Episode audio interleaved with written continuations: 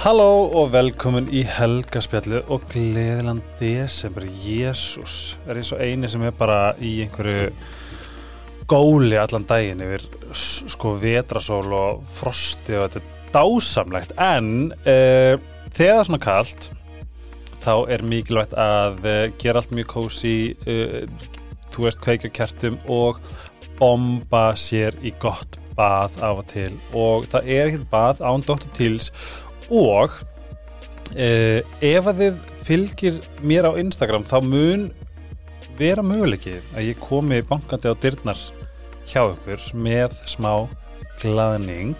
Annars er þetta á kjaraverði í næstu verslun. Hagkaup, lifahelsi, livju, fjaraðkaup og, og þessum geggjúðu verslunum. Uh, í kuldanum, það er bara svona kuldatema greinilega í dag en uh, Þið þurfum að verja húðin eitthvað rosalega mikið þegar það er svona gnýstandi kuldi. Sítokær er ekki bara dásamlegar, vörur heldur líka mjög verjandi eða með svona verjandi einleika en eh, í þessu, þessum vörum er sítosann sem eru undra náttúröfni hafsins og uh, gefur já storkslaförd, uh, eh, sólavörd og ég mælu með ef að þið pandi jólagjafir frá sítokær og ég mælu með að kaupa gafasettina þegar þau eru á mjög góðu verði og það er svona kaupæti, þá fáið þið gafinnar innpakkar þess að þið getið annarkvært bara sendt beint á til þeirra sem að ég ætla að gefa gjöfina. Jú, eða bara tekið nú kassanum og þrygt undir tréð. Það hljóma vel fyrir mig. En uh, takkið D-vitamin ykkar og C-vitamin ykkar. Þið fáið þau hjá Ice Herbs. Það eru íslensk náttúruleg vítamin þau allra bestu og í blöndunni er til dæmis C-vitamin og, nei, D-vitamin og burnirót eða rótjóla sem er náttúrulega kviðarótin og svo C-vitamin og engifer. Það er svona, blöndunar eru storkaslega svona úthugsaðar þegar kemur að eiginleikum og hvað er að gera. Og ef þið viljið svo vel. Kaupa ykkur slípi af því að það er svo geggjað, bæði að ég verð að klára þetta. Þetta er ógslag geggjað. Á dínu, ég veit ég er að útskýra þetta kannski nóg vel en dínu, dínu er mjúk og hinn er hörð þar sem það getur bara skipt á milli skapi. Ég vil mjúkt en á meðan kærs með býr hjá mér í smá stund þá þarf ég að sofa hörðu. Sem er þetta geggjur líka, þetta er bara geggjur dína þú getur farið að prófa hana í vest í ármúla eða bara tekið með orðinu. Þetta er dásalegt það er að koma nýtt ár. Auðvilsinnar er búinur bæði en eh, það er koma nýtt ár og ég veit að við erum kannski ekki að setja áramóta heiti en við erum að svona, þú veist já, hvað ætla ég að gera 2023 eða sjá til þess að 2023 sé bara gefandi og uh, ábyrðafullt og fallegt ár. Ég persónlega er með smá plöna því ég er búin að eiga ár af uh, eins og gæstum mín í dag segði mér að héti fuck money. Hljómar ekki eins og það þetta er ekki eins og það hljómar en við getum kannski að fara að snána út í þetta. Andarud Hilmarsdóttir, Kristín Hildur Ragnarsdóttir hjá Fortuna Invest. Ding, ding. spáðu hvað er þessi, þið eru svo sætar og klárar. Minnst það svo gaman. Sum leiðis helgi. Já, þú ert að pappa egoið aðeins svo mikið hérna. nei, það, Nei, nei, ég tekur sér. það er ógæslega gaman Já, einhvern veginn, og það vantar Rósu Kristins. Ég vona bara að við tökum rán tóingtumann fyrir nýtt ár 2004 eða eitthvað eða þegar kemur kreppa, við ekki hvað er að gerast en þá er þetta alltaf að hafa hana með. Það er ógeðslega gaman að hafa að þið fyrir ykkur sem að uh, ekki vitið þá erum við fjóra stóla. Það er það gætt partí þegar það eru veist, fyll já, ég trúi því. Mér finnst mjög skemmtilegt áðan þegar þú varst að tala um hérna Ice Herbs. já, Ég var sko í hagkaup áðan nei. að kaupa mér þarna þess að engi fyrr þetta mér blönduna? Já, já, af því að ég sá bara flensubanni og ég Já. hugsaði, ég ætla ekki að fá þessa flensu. veistu hvað þið fyndið þetta, sko, ég veit þú veist, call me crazy en þetta hefur virkað svo markvist ég fekk hellaða flensu og var bara eitthvað fokk, ég er búin að taka síðan mínu mitt, ég hef aldrei komist þess fljóttið flensu, Gott að vita, ángríms. einmitt, ég bombaði síðan Mm Ég ætla að gera það. og bara kannski fínt að bomba sig í sig á veturna Já, einmitt. Þetta er líka bara svona út um allt einhvern veginn núna og já, það er allir með skítið með mér, nema ég en Já. ég er búin að taka síðan mínu mitt mm Ég þarf auðvitað að fara til búð eftir þáttin. absolutt, og bara kaupa sér stóra dunkin og bara eiga þetta Já, einmitt. En það er líka svo næs að vera með svona, ég, ég er alveg fullar en ég get með svona pillbox, eitthvað svona Mhm. vítambox og er bara alltaf svona hlusta podcast og búa, búa til. Ángurins hlutur eftir þrítugt maður. En þú ert líka miklu líklega til að taka Já, hana, bara og bara þú veist bombar þessu í hendina tjökkar, Mhm. er þið góður að gleypa pillur? Nei, ég er alveg ótrúlega erfitt með bara svona á erfitt með vítamín og eitthvað. Ég er með hags, bara eitthvað jógurt eða eitthvað. Já, drikki já, jógurt eitthvað, fyrir ekkert fyrir þessu. Ok. Ég er þetta mjög góður að gengja Pillum. Ég er enda nýlega búin að lesa til um það, ég veit ekki hvort sér rétt mm. að maður er að taka alltaf D-vitamin mín á mótnana og helst ekki með kaffi. Já. Dreifur úr virkninni. Er það? Mm. Ég ætla að sko, ég finna hvað, hvað ég verð svona obsessed að ég að taka D-vitamin þegar það er svona dimt og ég er búin að svo hamingi sem hann að vitur í því hvað er að mér. Já, maður er allavega hvort sem þetta sé eitthvað svona placebo áhrif en Mhm. þá allavega vill maður trúa því að þetta gerir eitthvað mikið fyrir mann. algjörlega, mér finnst bara geggja að geta tekið eitthvað svona eitt bita og það bara stút fullt að einhver sem gerir gott fyrir mig Já, en hvað mótil eru þið? 93 Og ég er 94. Ah, þeir eru ekki svona orðið þrítar. Þegar það er þrítar, þá verður margt rosalega fyndið mjög skemmtilegt. Bara svona á... Ég bara eins og vítamin pillubox sem bara Já. eitthvað. Einmitt. litlu hlutinir Já, Einmitt. En hvað stjórnmerkir þið? ljón stengið. Wow. en hvað- veitir hvað Rósa er? Ef hún hrútur að bylast ég. Herðu, hún er ljón líka Að það? Jáp, Ok, en powerful merki með powerful um, uh, skilaboð til Íslands þið sem að eru ekki alveg að kveikja kannski hverja sita móti mér, þetta er sérst Fortuna Invest Invest uh, þeir gaf út bók í fyrra sem gekk sjúklega vel eða ekki Jú. Mhm. og svo er þið með Instagram með Fortuna Invest það sem eru basically bara að fræða okkur sem að vitum ekki betur á gæðveikt miklu mannamáli mér finnst það að vera svo ógislega svona mikilvægt og, og hérna bara svona og það er maður líka spáir í svolítið miklu. Hvernig finnst ykkur ef við tölum aðeins um það sem þið eru að miðla um, er ekki svolítið galið að þetta koncept sem þið eru að gera er bara svolítið nýtt á nálinni? Jú, það er það alveg, en það er náttúrulega líka samt kannski, nei ok, mér finnst alltaf eins og samfélagsmiðlar séu líka nýjar nálinni, en þeir eru það kannski ekki. Nei. Nei, En kannski mátturinn þeirra er kannski svona, já, það er kannski svona tildurinn í komið. einmitt, akkurát, en það er náttúrulega líka kannski bara tengist því, þú veist, aldrinum okkar, við höfum Mhm. kannski ekkert byrjað á þessu þegar við höfum verið í mentaskóla, því að þá vorum við ekki búin að miðla okkur reynslunni og þekkingunni og búin að okkur í mentun sem að tengist þessu sviði, þannig að hérna, en jú, það er alveg, ég held að við komum okkur öllum óvar hvað bara þetta plattform getur haft mikil áhrif og, Mm. og ná til margra. Ég myndi að bara breytt eflaust margt til mörgum. En ef við förum að þessi í ykkur, svona persónulega, hvernig var svona ykkar ferð, svona ferðalag, frá, þú veist, að bara einmitt verið í skóla og svo finna ykkur áfram í á þessu áhugasviði? einmitt Sko, ég fór í viðskiptafræði af því ég einhvern veginn hugsaði bara, mér langaði ekki að fara út í reysu og nefndi ekki að fara að vinna það? og ég einhvern veginn sá bara fyrir mér eitthvað, já ok, ég skráði mig þá bara nám og ef mér finnst þetta leðilegt þá bara prófið eitthvað annað Beint mennskóla? Já. Næs. og hérna, en ég get ekki sagt að eitthvað viðskiptafræði námið hafi gefið mér eitthvað mm. reynslu á þessu sviði, Mhm. sko mann til þess að vinkona mín byrjaði með mér í HR í viðskiptafræði og hætti eftir bara innan við mánuð Ah. Og ég spyr hana, "Bíddu, af hverju, af hverju hættur hvað, hérna, hvað vendingar hafður til námsins sem voru grannlega brosnar og, og hún sagði bara við mig, já, ég skráði mig námið því að mér langaði bara að læra um peninga Ah. og þetta satt svo í mér Já. ég bara byttu við mig góður, má ekki þurfa að skrá sig í hérna háskólanám til að læra eitt og sér um peninga Emmitt.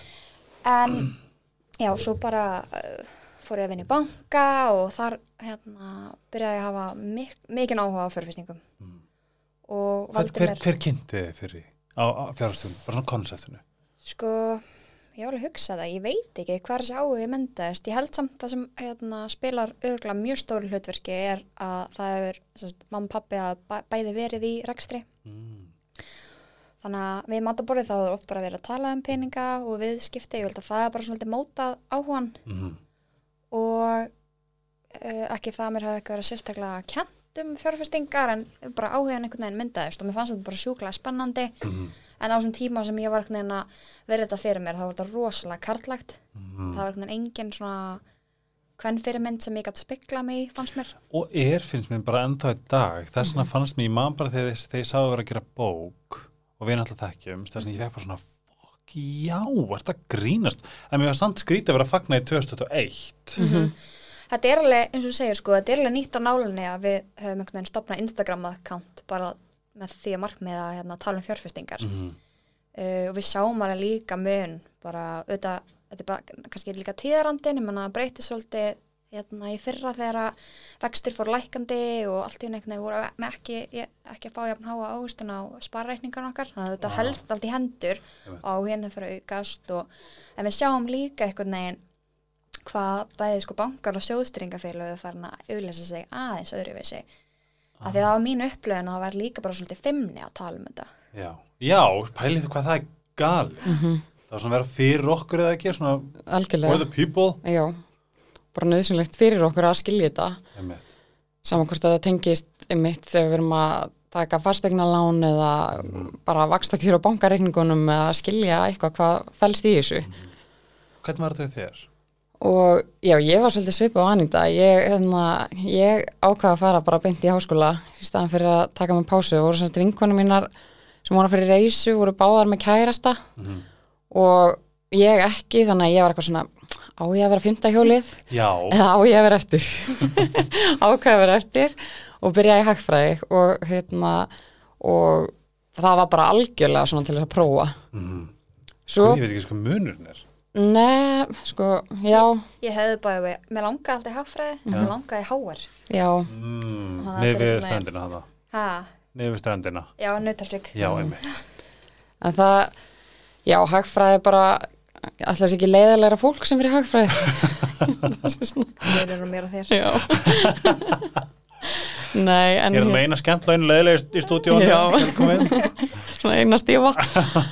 en það er sko, já, svo, svo var þetta einhvern veginn þannig að ég var hérna, næstu í búma hagfræðina og var í göngutúr með mömmu minni og systru mínum og þær voru bara allar eitthvað að velta þessu fyrir sig bara akkur, akkur erum við ekki að fjárfesta og byrjaði veginn svona að tala um þetta? Og mér fannst bara galið að ég var svo sem í fjölskyldunni sem fór í hagfræði og ég hafði aldrei fjárfest og, og hafði ekki einu svona lært um það í skólanum sem er náttúrulega líka galið að, Það er gal já, að vera bara, já, ég hagfræði nám í háskólanum og þú veist, jú, jú, alveg farin að skilja grunninn hvað er hlutabrif og hvað er skuldabrif en Mhm. þú veist ekki hvernig þú átt að bera þig að í þessu? Nei, ég held líka bara sem þú segir þetta að þetta er lagt svolítið fram og ég held einmitt bara svona að, að þú sagðir að fólk er að fara að auglýsta öðruvísi. Fólk þarf kannski bara svona að keep up with þess til dæmis það sem þeir, eru- að koma á borðið þrjá, þrýr frumkvöðlar en ég held í fortíðinni hefur þetta verið þannig að það er verið að flækja hafa þetta nóg flókið til þess að fólk bara svona þú veist eins og ég, típa sem að getur skammast mín fyrir ef ég er að lesa hérna eitthvað pappir og bara eitthvað, ég skil mm -hmm. þá finnum við fyrir skömm þess að þú bara svona, já, herru en ekkert mál, bara áfram, eitthvað svona hér og þá situr alltaf með þetta. Ég skil þetta hvað sem er ekki, skilju hvort að þetta sé bara hafa verið einhver svona markvis manipulasjón af hálfu stórukallana á eitthvað svona þar sem, þú veist, þessi stóru bankar að gera að þetta er bara, þú veist, nummer eitt, við erum ekki læra þetta, það er engin leið fyrir okkur að skilja þetta nema við kynnum okkur þetta sjálf eða follow fortúnin á Instagram er, er ég að bulla? Nei, er, er ég að kons konspæra? Nei, það, sko þegar maður fyrir að pæla þessu þá er þetta bara rosalegt hvað það er búið að hérna, búa til ný haugtök og, og annað sem bara einhvern veginn gerir þetta svo svo óskýrt og einmitt bara ekki fyrða að líka fólk hafa ekki haft áhuga þú heyrir bara eitthvað Mhm. lingo sem þú skilur ekki Já, og ég held líka bara að maður upplega það sjálfur þú veist, maður er með einhvern aðdeglisbrest og um leið og maður er að lesa sko texta og hérna þú veist, lendur okkur orði sem maður skilur ekki Mhm. svo maður er einhvern veginn fljótu bara æ, þú veist það, einmitt þetta við mig, bara Einmitt. þetta hérna Ég held þetta sé líka sko ef maður pælir í þannig að þegar þú ert búin að leggja á þig kannski já, ákveðna vinnu og bara tíma í það að læra eitthvað og svo loksins ferð þú að skilja þetta lingó og þá ertu eitthvað, yes, ok, ég get farið að nota þetta Einmitt. og þá ertu svona, ok, ég ætla að tala svona líka og leiði ykkur ekki að skilja hvað ég er að segja. Nei, ég meina, fyrir ekki, bara svo eitt gott dæmi sem ég svona friðamöstundum á er sko, og, Kristín þekkir þetta klála úr hagfræðináminu hvað Sæðlabankin hækkaði vextum 50 púnta Jaha. skiljaðu þú það? Alls ekki. Nei, ég meina 50 púntar, þetta er sko hvað, 1 púntur er 0,01% Mm -hmm. Ah, þú veist þannig að 50 púntar er 0,5% Em, Æði. Æ, skilur, Fólk er er bara, svona- jí, frábært hjá seðlabankunum. Þú veist. En- Akkurat. taldi líka um það, svona vaksta ákvarðanir ég menna fyrir kannski fimm árum, þá var enginn sem horfið á vaksta ákvarðan að fyndi Sæðlabankans nema kannski ykkur greiningadildir núna er fólk alveg að pæla í þessu með overtrið lán sem að hérna, ef þú ert með breytilega vexti þá hérna, eins og fólk hefur fyndið fyrir ef að hérna, Sæðlabankin hækka vexti þá hækkar lánið líka. Og leiga. og þannig að Og rúmta með bara bíl. allt sko. Mm þannig að hérna, ég held að þetta sé líka daldi grundfalla munur en það sem er að gerast núna. Mhm. og að fyrst fyrir fimm árum. Núna er fólk meira að pæla í þessu. Er, er, er ógn að það séu fleiri að pæla í þessu? Er það jákvæmt fyrir alla bófa? jákvætt fyrir alla Algjörlega. við hefum oft fengið þessu spurningu Mhm. sérstaklega svona um, það sem við við erum svona spurrar að því ég með hvort það ekki varasamt að fleiri sé núna einhvern veginn með þetta um þetta Er svona, ef, er nóga sneiðum fyrir alla, skilur við tölum um köku? bara Já, 100% algjörlega. það er bara okkar allra hagur að til dæmis þáttaka markaði aukist bara Mm. við byrjum saman þáttöku á Íslandi uh, samburu Stokkólmi Mm. þetta er bara man ekki alveg hvert hlutfallega er í Nei. Stokkólmi en það er allan að klála má alveg bæta hérna, þáttökuna hérna heima og það Já. bara hagur okkur allra ef það gerist. Er hérna, nú spyr ég, spyr ég ógæslega hérna grönt en það er svolítið ég að það kemur að svona málum. En segjum bara það er eitthvað svona, þú veist, það var eitthvað auglýsing með Alec Baldwin á YouTube þar sem hann var að kynna í Tóró í Toro, þú veist, er það eitthvað sem að, þú veist, og það bara svona, það bara tekja væntalega af kortinu inn á eitthvað hlutabrif eða eitthvað? Það er enda svolítið kannski varasamt að það er bandaríski markaðurinn. Emu.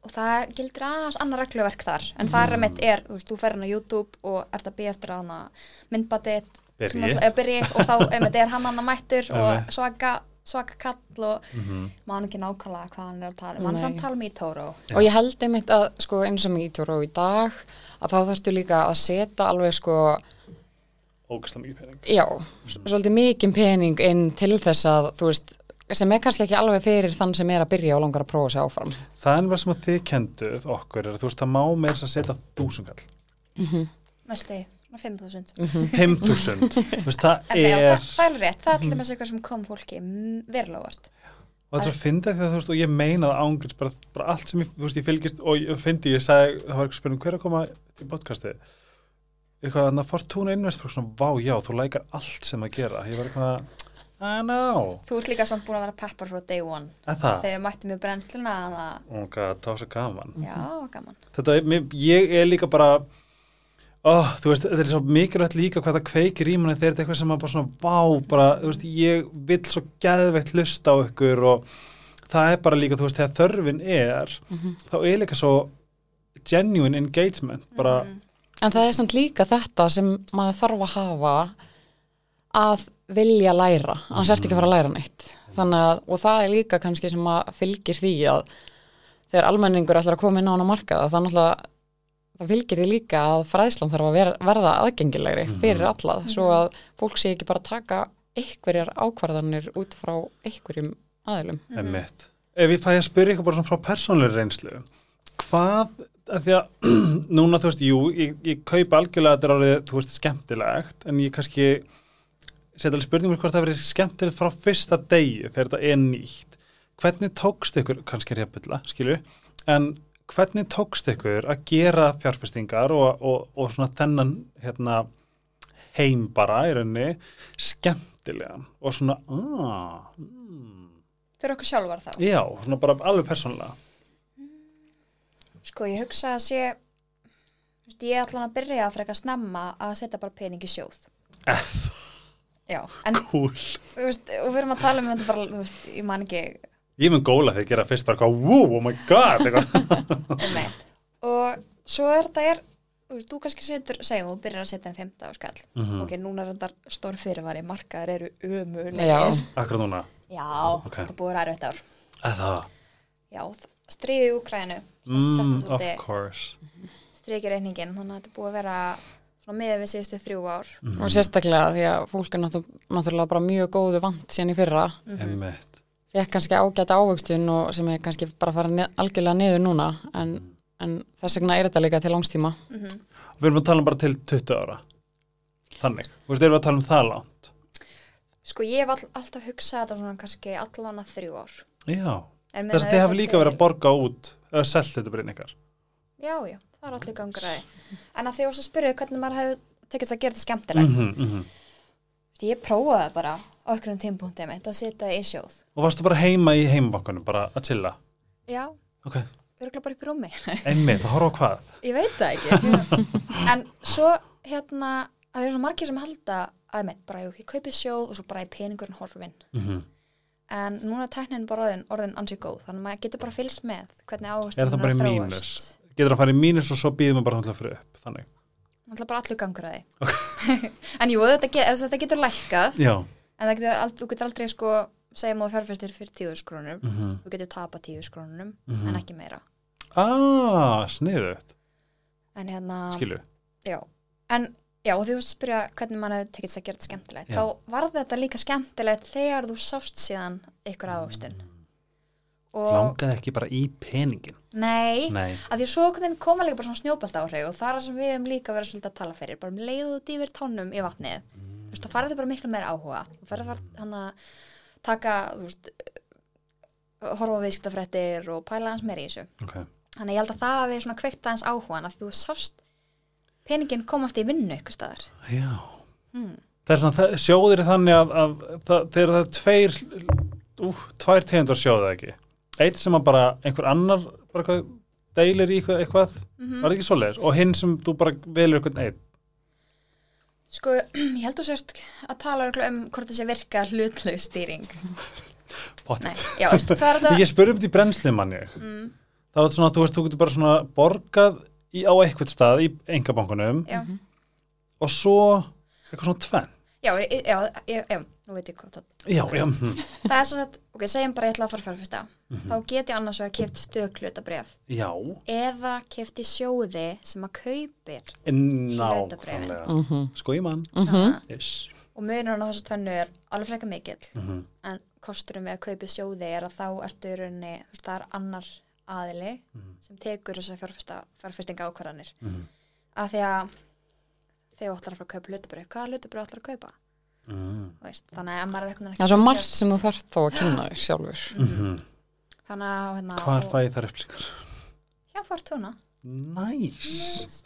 En auðvitað þægilega myndi kannski einmitt við sjóðuna er að hérna það er þessi áhættu dreifing hún bara skiptir öllu máli Mm í fjárfestingum af því að um, við höfum mögulega öll heyrt þú veist, bara herri, þetta er svo þetta er þetta, auðvitað, það fylgir á þetta öllum Mhm. fjárfestingum Mhm. en það eru auðvitað, þú veist, Sigga frænka hérna sett í sjóð og tapað öllu og þess vegna ætla ég ekki að gera neitt -hmm. Þú veist, þetta eru auðvitað eðlilega áhyggjur sem að fólk hefur eða eins og bara þegar allir ætlaði að fara að kaupa bitcoin þegar það var bara lengur orðið á seint Ég held ég hef, ég hef sett 100 efrur nema ég bara eitthvað alltaf, alltaf rebela gegn það sem er flottast mm -hmm. það sem ég kipti Litecoin Ég veit ekkert hvað er þetta En það er samt líka það sem maður á að gera er að maður ásaldið að setja peninga í þetta sem að þannig séð þér er ekki drosalega andum þú ert Mhm. ekki að fara að kaupa íbú fyrir annan pening eftir nokkra mánuði Einmitt. eða svoleiðis þannig að hérna á nú meira þess að ég heyrði að það var eitthvað rannsók sem síndi fram á það að, hérna, að þeir sem, þeir sem hefur grætt mest voru annarkvort þeir sem voru dánir eða þeir sem bara vissu bókstala ekki af peningunum. Fyndið. Einhver vann lott og er Mhm. ekki búin að skoða með hann Já, eða þú veist keifti í sjóði og, og vissi ekki á hann í eins og ég var að tala um áðan þannig með að þú veist eins og segjum ef að ég er út að borða og það er einhver annar sem borgar. Veist, það sem mér finnst ógeðslega gaman að leika mig við er bara svona hei, ok, ég fekk að veist, hann borgaði fyrir matið minn ok, þú veist, þetta, þú veist þessi, eins og bara um daginn fór ég fínt út að borða og ég eitthvað svona reikningur minn var rauglega 20 skall. Og þú veist, þá man ég hugsa bara, hvað ef ég tæki helmingin af þeim? Ég hef bara fengið 50% afslátt af þessum mat og myndi bara setja inn einhvern sjóð. Af því þá er ég innan gæðslega búin eða hann Ég myndi segja að þú voru að fjárfesta fyrir, þú veist, framtíðar þig. já, Mhm. einmi ok, hvað er svona hvað myndi segja sé svona uh, helstu do's and don'ts þegar kemur að svona, til þess að hafa í huga þú veist, ef að ég myndi setja svona tölvuna er eitthvað sem ég ætti að hafa svona varan á Um, sko, það sem þú þarf náttúrulega bara að byrja því að gera er bókstala að vita hver peningarnegin er, að fara í hverjum einasta. Þú veist, Mhm.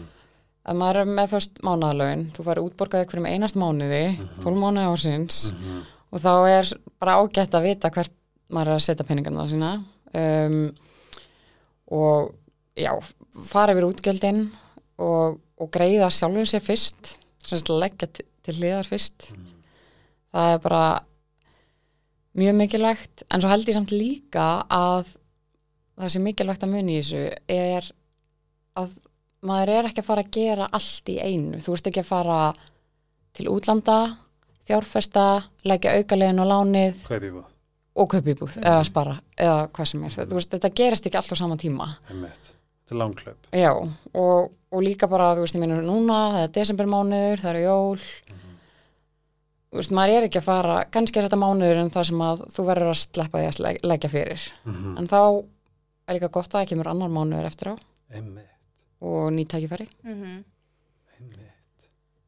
Þannig að, já, að hugsa þetta svolítið svona að- þetta er ekki allt eða ekkert. Tekst ykkur að gera þetta því að núna er þið báðar, þú veist, skemmtilegar skilur tekst ykkur að taka nálguna þetta er alltaf pínur svolítið svona þetta hljómar þurft svona afsakið skemmt að sita hérna aðeins og skipuleg, að skilur, skipulegja hérna og kveitan eitthvað svona einmitt, uh, fyrir marga allavega kannski hljómar þetta þannig.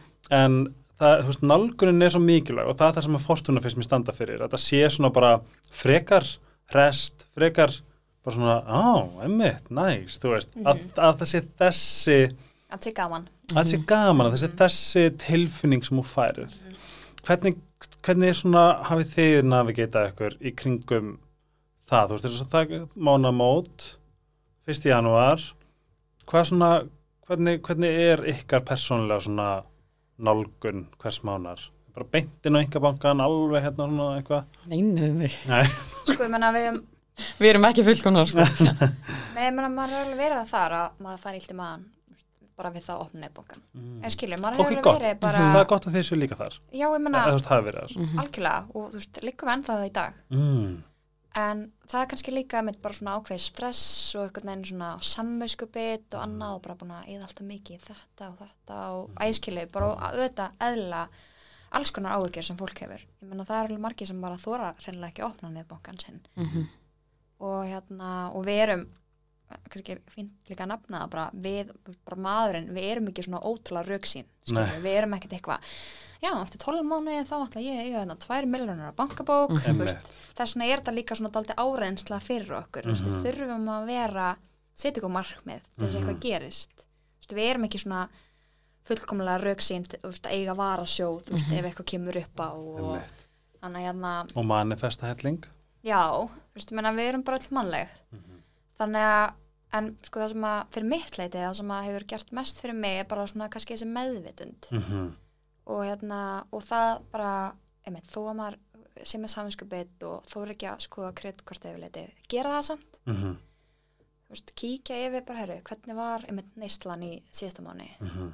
ok, þarna var ég eða 20 skrunum á kaffhúsi, allt er læg þú veist, það gaf mér ánægju. Einmitt. Uh, góð punktur Jákvætt sjálfstal mhm. inn í öllu þessu Já, það bara skiptir öllu af því að það er eiginlega oftar en ekki sem að ég hef sko hana, farið yfir þetta og þá freka verið kannski aðeins ánæðari með mig Mhm. heldur en ekki að því ég einhvern veginn held til dæmis, þú veist, það er oft komið mér óvart bara, ok, ég held ég var eða meira í bensín eða Mhm. hvað annað, sko þannig að hérna, með það svona það sem hefur gerst, já, gerst svona mest fyrir mig, bara þessi meðvitund. Það er held, já fyrir ekki Nei, það er kannski líka bara sko, maður getur kannski líka hort á þetta smá þannig að þú ert að fara yfir síðasta mánu og þetta þarf alls ekki að gerast fyrsta hvers mánuðar Nei, en eitt svo leiðis en, en segjum úr sérstundna rúlega við bara yfirlitið þitt og, og þá er þetta líka smá svona já, býtu já, ég fór hérna á barinn með stelpunum það var veist, það getur alveg verið smá svona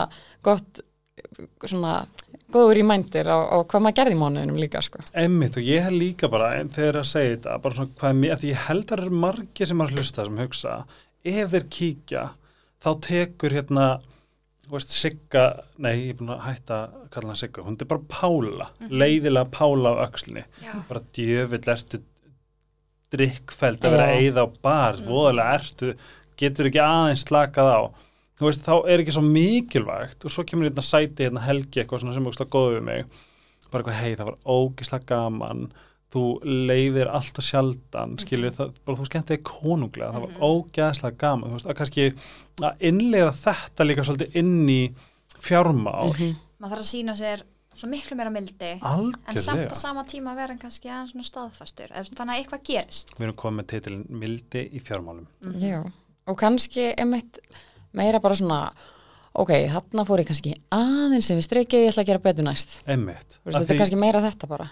Og líka bara svona, þú veist, að ég held bara að þú veist, þess að þema hér, hvað er ógæðslega mikilvægt hvernig við tölum við okkur sjálf, það er eina það er eina röddin sem að sem að hefur raunverulega áhrif. Maður er með sjálfum sér allan sólhengin og bara segja mér, ég æg, hérna, oi hvort er ljótur kápu, eða, er hérna leðileg, eitthvað svona, maður getur, þú veist, þú ræ, eða, þú veist, það er undir þér komið, hvort að þú ætlar að gefa þessum orðum mínum vægi og finnast í ömulur, eða bara segja bara eitthvað, ok, ef hann er þessi típa sem að finnur þörf fyrir að segja leðilega hluti, eða bara neikvæð hluti um, um mig, það er bara hans, minnst það geggjur kápa, eða minnst það geggja skemmtileg mm -hmm. skilju, mér finnst þetta líka svolítið svo mikilvæg partur að uh, hvað pointið mitt með þessu er bara, já, jákvæmt sjálfstæð líka á þessum parti í lífinu og ég held líka bara með fjármála þú veist, þau eru sett þurr upp þangla þið koma á markað. Það var engin, eitthvað herri, já, geggja hérna fjármála Instagram, mm Mhm. það bara henni var ekki til, maður, maður var að spáð í þessu. Það er svona, var svo, þetta var svo ferst loft þegar þið komuð. Og ég held að þetta sé mitt mjög mikilvæga partur af þessu að þú geti bara herri, wow, fuck, ég eitti allt ég bara leiði mér allt í epal, bara Mhm. shit. En þá bara svona, hei þú tekur þessu bara. Og Akkurat. bara dreifum dreifum sem greiðslum. Nei, nú! Ég elska dreifðar greiðslur. ekki segja þetta upp átt ok, við skulum að halda áfram við skulum að er ekki með svipuna þarna í törskunni en ég er bara svona, já, fokk eitthvað svona, eða bara, þú veist, nálgast það þannig að þú ferð ekki í sjálfsniðubrott Einmitt. Það, það bara skiptir öllu. Líka upp á það ef maður ætlar eitthvað ná árangri þá Mhm. þarf maður einmitt að hafa svolítið jákvæðana með sér. Einmitt, og það sem við höfum þetta líka svona reynd að gera og svona gegnum gangandi er það gerði litlum skrefum. Við erum ekki að hérna, tala fyrir því að þú setir helmingin launaðinum í eitthvað spartnað Mhm. Þú veist, við erum bara hugsaði bara hvaða sveirum þú hefur. Ef þetta er fimm úrskall í mánu, flott. Mm veist, þá er alltaf eitthvað að gerast frekar en hann færi ekki inn. Það var bara svo flott, ég verði til að lesa upp fyrir ykkur það sem ég setti við nýlega. Það setti líka bara rosalega mikið perspektíf á í rauninni hvað þið eruð að gera. Veist, hver nálgun ykkar? Nei, ég sendi ykkur að maður sjá um, ég held að þetta ekki screenshot. Mér finnst það svo frábært að þetta takið líka bara alla aspekta af lífinu sem að við eigum og erum örgulega flestarinn að temja okkur. En þið inn, innleiði það inn í fjármál. Að því að fjármál er því miður eins kannski leiðilt á einhverjum núti það finnst, þá er þetta partur á lífin okkar. En þið skrifuðu, byrjaðu að gera eina hnébegu byrjaðu að greiða niður eina skuld. Byrjaðu að lesa eina blaðsíðu byrjaðu á að hlaupa 1 kilometr mæta á einn viðburð skrifa eina blaðsíðu byrjaðu að fjárfesta í einum sjóði. Briljant Hver fekk svo mynd? uh, Ragn, Rósa greinlega? Gemur ós Já. Kemur úr Nei, mér finnst þetta að vera briljant og ég held bara eins og bara með þessum þætti þá er ég að vona að við getum innleitt bara einmitt þetta, þetta svona manneskjulega Mhm. og, og persónulega inn í fjármál. fyrir ekki að helgi menn, ég ætla ekki að seima þig fyrir greiðsludreif Þú má það gera það mjög margir, sko, ég elska eins og yfirdrátt. en þetta er svo hættulegt Ég er bara eitthvað að- næs, frýr peningur Nei, þú ert nefnilega því miður að borga meira fyrir vöruna en þú þarft sko, og ekki nóg með það, ég kostar. það sko, þetta er þegar ég flutti heim sko, bara with, with not a penny to my name Mhm. þurfti ég að gera og ég bara næs, bara ég gett mér rúm, eitthvað svona. Og svo það var ekki fyrir en ég fór persónulega að tjekka hver helviti sanna prósentan Mhm. var ég bara eitthvað fokk, mér fannst það rán sko, auðvitað kom alveg tímabil þar sem að fólk neyðist til þess að auðvitað. grípa til þess Mhm. en þetta er samt svona einmitt að vera meðvitaður um það að já, þetta er dýrara og að þetta ekki innan vítarhing heldur. Líka þegar ef maður ætlar að gera þetta þá kannski setja smá um, eitthvað svona plan um það hvernig maður líka ætlar að greiða þetta niður. Algjörlega, ég gerði það ekki. Nei, Þetta er til dæmis eins og hérna, díóta sko. Eins og ég er búin að vera með íbúina mína á Airbnb. Sniður, hann á skattur. Já, einmitt, sem er ótrúlega næs og þetta búin að vera ótrúlega næs að fá hann auka penning. hvað er íbúðin? Hún er hérna í efstaleiti. Næs. Og hleypur bara til kæruðum með pappa, hvað? Já, það er nefnilega búið ekki allir svo vel en ég get hlaupið til mamma og pappa og hérna og það er mitt líka bara, þú veist, fólk er, hefur mismunandi aðstæður, ég er ekki með bat til dæmis og hérna og þess fáum ég og kærasti minn að vera þarna mamma hefur alveg sagt um mig að ef það veri batn þá fengjum við ekki að vera þarna sem er bara mjög hreinskili svar. En þetta er ömmubatni. en, en svo til dæmis eins og þarna þá veit ég bara að skatturinn er að fara að rukka mig á næsta ári. Og það er, þú veist, já alveg, alveg dágóð prósenda sem að maður verður þá að vera meðvitaður um að því þetta er ekki peningur sem ég á. Og já, maður verður það er högg, en Þetta er líka bara hversu gyrnilegt er það að horfa á möppuna sem, sem heitir virðisöka skattur. Bara eitthvað, ó, hvað ég geti eitt ára núna með þér. Þú veist. En þá með, það var líka þegar bókurum með sagði, þú átt ekki pening. já, Þú veist. akkurat, þetta er svolítið svona peningur sem maður á ekki En það sem að mér finnst líka mjög góð punktur sem að einhver sagði, ég man einhver sagði að ég er búin að vera svona, TikTok er gett þægilegt og eitthvað svona, það er að vera með fleiri eggja baskets, Mhm. körfur Mhm. og ekki hafa öll eggin í einni körfu. mm -hmm. Hvað finnst ykkur um það? Þetta er bara mjög mikilvægt og sérstaklega í fjárfestingum. Bara Það- music to your ears. Aha, þú veist að tala um þetta, bara eigna dreifing. Eignadreifing, já. þetta er svolítið svona lingó sem er gott að læra Hér eru þið búin að læra það, kæri hlustundur. Eignadreifing, er það mættilega, þú veist, peningarnir, Já, eða bara dreif- innkomaðinn. Eða bara dreifa fjárfestingarnir bara á mismöndi fjárfestingarkosti Mm og ef þú til dæmis fjárfestir í hlutabröðum að það sé bara mismöndi félög í mismöndi löndum bara basically að dreifa áhættunni Gæti ég fjárfæst í Apple? Já. Já. Og það er bara svipað sama prógram og, og hér heima. Þurfti ég eitthvað Er það ekki að sjá það á engamakkunum til dæmis? Já, ef þú kaupir það gegnum hérna, íls, íslensku bankana þá getur þú séð það bara inn á netbankana þínum og þú getur bara fengið e-mail bara búið að hlutafund, bara eins og allir aðri hlutafar Það Ég er pappast til fund. dæmis mjög ef ég fæ sko ekki það ég ætla að gefa upp, jú, jú, maður hefur verið fjárfæst í ykkurum erlendum hlutabröðum og maður fær hann að búið að hlutafundi og stundu fær maður argrislu og mann þykir þetta óðalega skemmtilegt. Það er það að mæta fund. Nei, nei, nei, bara Nei, nei, nei. bóðum bara ef þið langar að mæta á hlutafund Tesla þá er bara það velkomið. Og hafa okkur áhrif í Tesla og það var því búið alveg svo þetta heima, bara ef þú ert fjárfæstir í eða, bara hlutafi í Æslandir eða Mhm. fleiri félögum þá, er hérna, þá mega hlutafa að mæta á hlutafundi Ah. Kannski svolítið persónuleg spurning, en eigið alveg, þú veist, fullt af, eða eigið alveg, þú veist, sjöstafatölur í, í hlutabröðum. Svo nýju Nei, 100 million. nei sko, ma- maður bara hefur hérna, svona kannski bara tamið sér í gegnum tíðina, bara, bara í gegnum mörg ár aðeins setja til hliðar Mhm. af því að það sem að allan skiptir mig máli er að eiga varasjóð Og eru þeir í hlutabröðum? Eða eru þeir í á banka? það er bara allir gangur að því þú veist að þér hérna, Það er alveg oft kannski talað um að það sé svona betra að hafa sér varasjóð sem getur alltaf leitað í ef eitthvað kemur upp á og svo ertu með svona annan pening í fjárfestingunum. Um, hann getur verið með hluta bara á bankabók hluta í þá um þetta verið bröðum já, sjóðum En líka, er ekki líka humda þegar þú veist, kannski, ég er ekki 9-5 típa, það er bara, ég er búin að taka algjörlega satt mér bara frábært. Mhm. Um, fyrir kannski fólk sem að, því að núna ert þú, ert þú í, þú veist, vinnu, Mhm. hvað er vinnu? Íslandsbanka. Já, einmitt.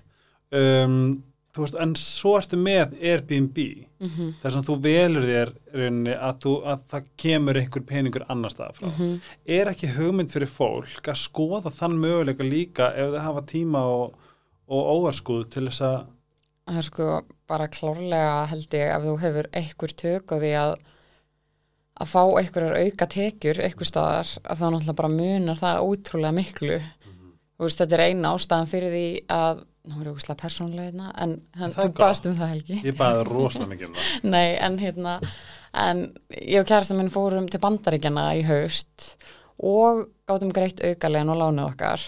Og við hefum aldrei geta gert þetta tvent á sama tíma að við hefum bara verið á, á launum þannig séð. En þannig að þarna kemur inn svona að, að hérna að maður getur, já gert betur á fleiri stöðum þegar kemur koma meiri tekjur inn. Ég held að þetta sé samt að koma fyrir eitthvað stert hjá okkar kynslu. Ég held það líka. Hérna, sérstaklega eftir COVID, að fólk einhvern veginn pældi, Mm næmitt, hvernig það getur hérna aukið sína tekjur og maður hefur lesið að einhverjar greiningar frá bandarækjunum, þetta er bara vandamál því að fólk er ekki að skila sér aftur í svona einu hefðbindi er er frábært. og fullt af möguleikum sérst, er það sko sérstaklega í bandarækjunum þar sem ég er að sjá bara hvað how I made $10,000 in two days. Þá er bara eitthvað svona Google Ads og einhver Amazon búð Já, ekki með, ekki með vöruhús, ekki með hérna, ekki þurfti ekki að kaupa innina vörur, heldur bara í rauninni selja linka á aðalgaurin sem að svo færi próstu, eitthvað svona. Mhm. það var galið, Já, en ég minna tek þið fagnandi skilu því að við verðum einhver, einhver sænsk eða hollensk pía sem var þú veist, 22 ára. Fáránlega rík. Vinnur 40 mínútur á mótnana eða eitthvað. Bara einhverjum svona. Já, einmitt. En ef við förum aðeins úr fjármálum yfir í hérna bara svona smá yfir á ykkur, svona taka smá svona breather from the money. Hérna hvað er eitthvað stærsta tráma? Nei, tjók, hérna ég er, með, ég er með svona smá reglu að spyrja hvernig morgunrútínan hvers og eins um, sko, stengið á ljón, it better be good Úff, ég er ekki að standa þetta vegna sko. Sko, ég skal byrja. Ég er reyndar í fæðingarlóð núna. ah, Þannig Ertu að að býja? Ég er að, Ok, ég fungera miklu betur á mótnana heldur en á kvöldin. En þegar ég er bara í vinnu, ekki fæðingarlóði sem er þetta mega næs, þá uh, reyndi ég svona að vakna oft halv átta og við vorum með það sem reglu við vinkonar eiginlega næstu í hverja einustu viku að hittast allavega einsni hérna í morgunbólla nei, hvað það er kósi og það gerði svo mikið fyrir mig. Hvar farið þið? um, sko við byrjuðum fyrir svona átt árum vorum alltaf á gló. Ah, í fagkafeni, já.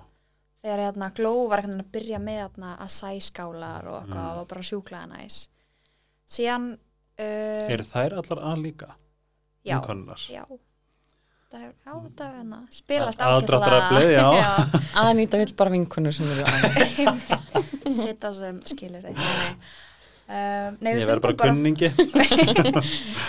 Nei, maður fann hvað gerði mikið fyrir sig. Þannig að ef, maður var þreyttur eða hvað annað, ég meina maður mætti samt af því að maður vissi einhvern veginn að maður færi bara Gefa mann eitthvað. Já, gaf ma- gaf mann svo miklu orku út í daginn. Sko, Aðnýta og Rósa hafa alveg búið mér í morgunbólla heppin. Já, mjög, er finn en þú veist, að ég hafði aldrei gert þetta áður.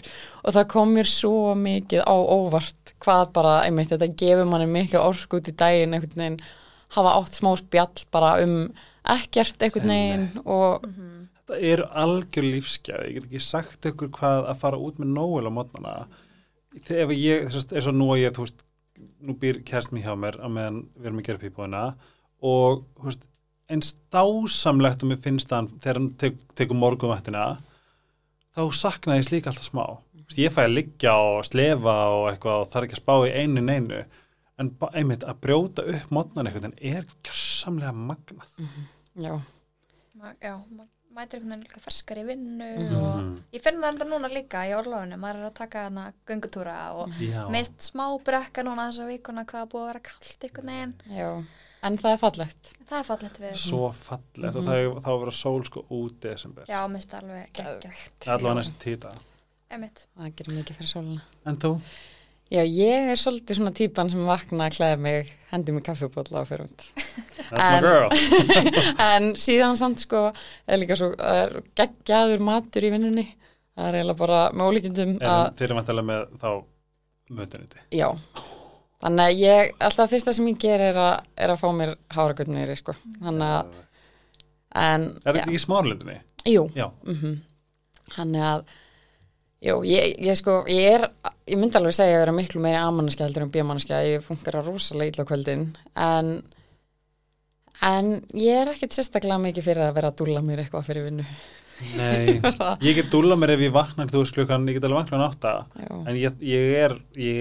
komin í gang klukkan tíu skilur já, þá er ég bara búin að gera alls konar af engu já, til tíu. Já, samt fóða kósi. ógæðslega kósi skilur er gaman að vinna í Íslandsbanka? Eitthvað deildvinnu Ég er sem sagt vörueigandi fyrir unga viðskiptavinni og fjárfestingar, þannig að Já, það er bara svolítið svona tengist bæði IT og marketing, svona því sem tengist ungu fólki hjá bankanum. ok, það hljómar þetta skemmtilega Já, það er mjög skemmtilegt og já, ég er mjög ánægð. Já. En eins og við tölum, förum aftur aðeins í Fortuna, er, og nú bara er ég meira, meira bara að byggja ykkur um það, er þetta ekki að fara að verða eitthvað aðeins stærra og hver er kannski svona, hvar sjáu þið Fortuna eftir fimm ár? Vá, Helgi. Hér er bara spyr stóra spurningu, mín kæru. Jú, við menna við, ykkur. stórt, já, já, kittlar Algjörlega. alveg vel, en á móti er, hann kannski margir sem halda að það sé aðaldar við okkar, mm þetta er auka starf og hérna, Það er meira en að segja. það er meira en að segja og hérna, en þetta er fárlega gaman Mhm. og búið að gefa manni ótrúlega mikið og fátt jafn skemmtilegt og bara vita það að maður hefur aðstofað eitthvað í sínum málum, hvort sem það er bara einmitt að opna neðbankan eða bara taka Það sem er bara opna fyrsta skref. augu fólks, Já. þú veist. Þannig að hérna, við hugsum stórt og það er alveg ymsar hugmyndir á borði sem að hérna, við erum bara spenntar að Mhm. framkama. Mm Ég er til að fjárfæst í þessu. Mm. Vá. Ég með fimm úrskallin eitthvað. Byrja, byrja fimm Byrja smá, úrskalli. Mhm. byrja smá. Mm. Ok, þess að þetta er, þið getur bara staðfest núna, þú veist, óháð, þú veist, við erum ekkert að dissa vinnustæðin ekkert, þú veist, að, að þetta er koncept sem er bara vá hvað það er þarft, það er ekki bara plus, það eru konur til þess að riðja bara braut fyrir fleiri konur, er þetta ekki eitthvað sem að, er ykkur alveg frekar svona close to your heart? Ójú, Jú, heldur betur. Og ég held að við fáum alveg líka stundum bara þegar við erum að vinna í einhverjum verkefnum sem eru tengt þessu að við fáum alveg bara svona, þú veist heitt blóð, sko.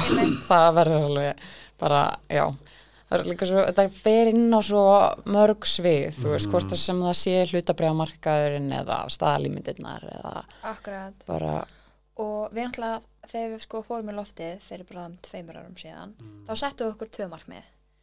Eitt var að svona, bara efla fjármálalæsi Mhm. og annað bæta þáttöku á, hlutabræðamarkaði. Nice. Við vildum bara, hérna, það var okkur bara okkur aðeista markmið að konur myndi fjárfesta í meira mæli. Og við fengum loksist tölur frá kaupullinni fyrir árið fyrra sem að sínda okkur að við erum bara yngu nær.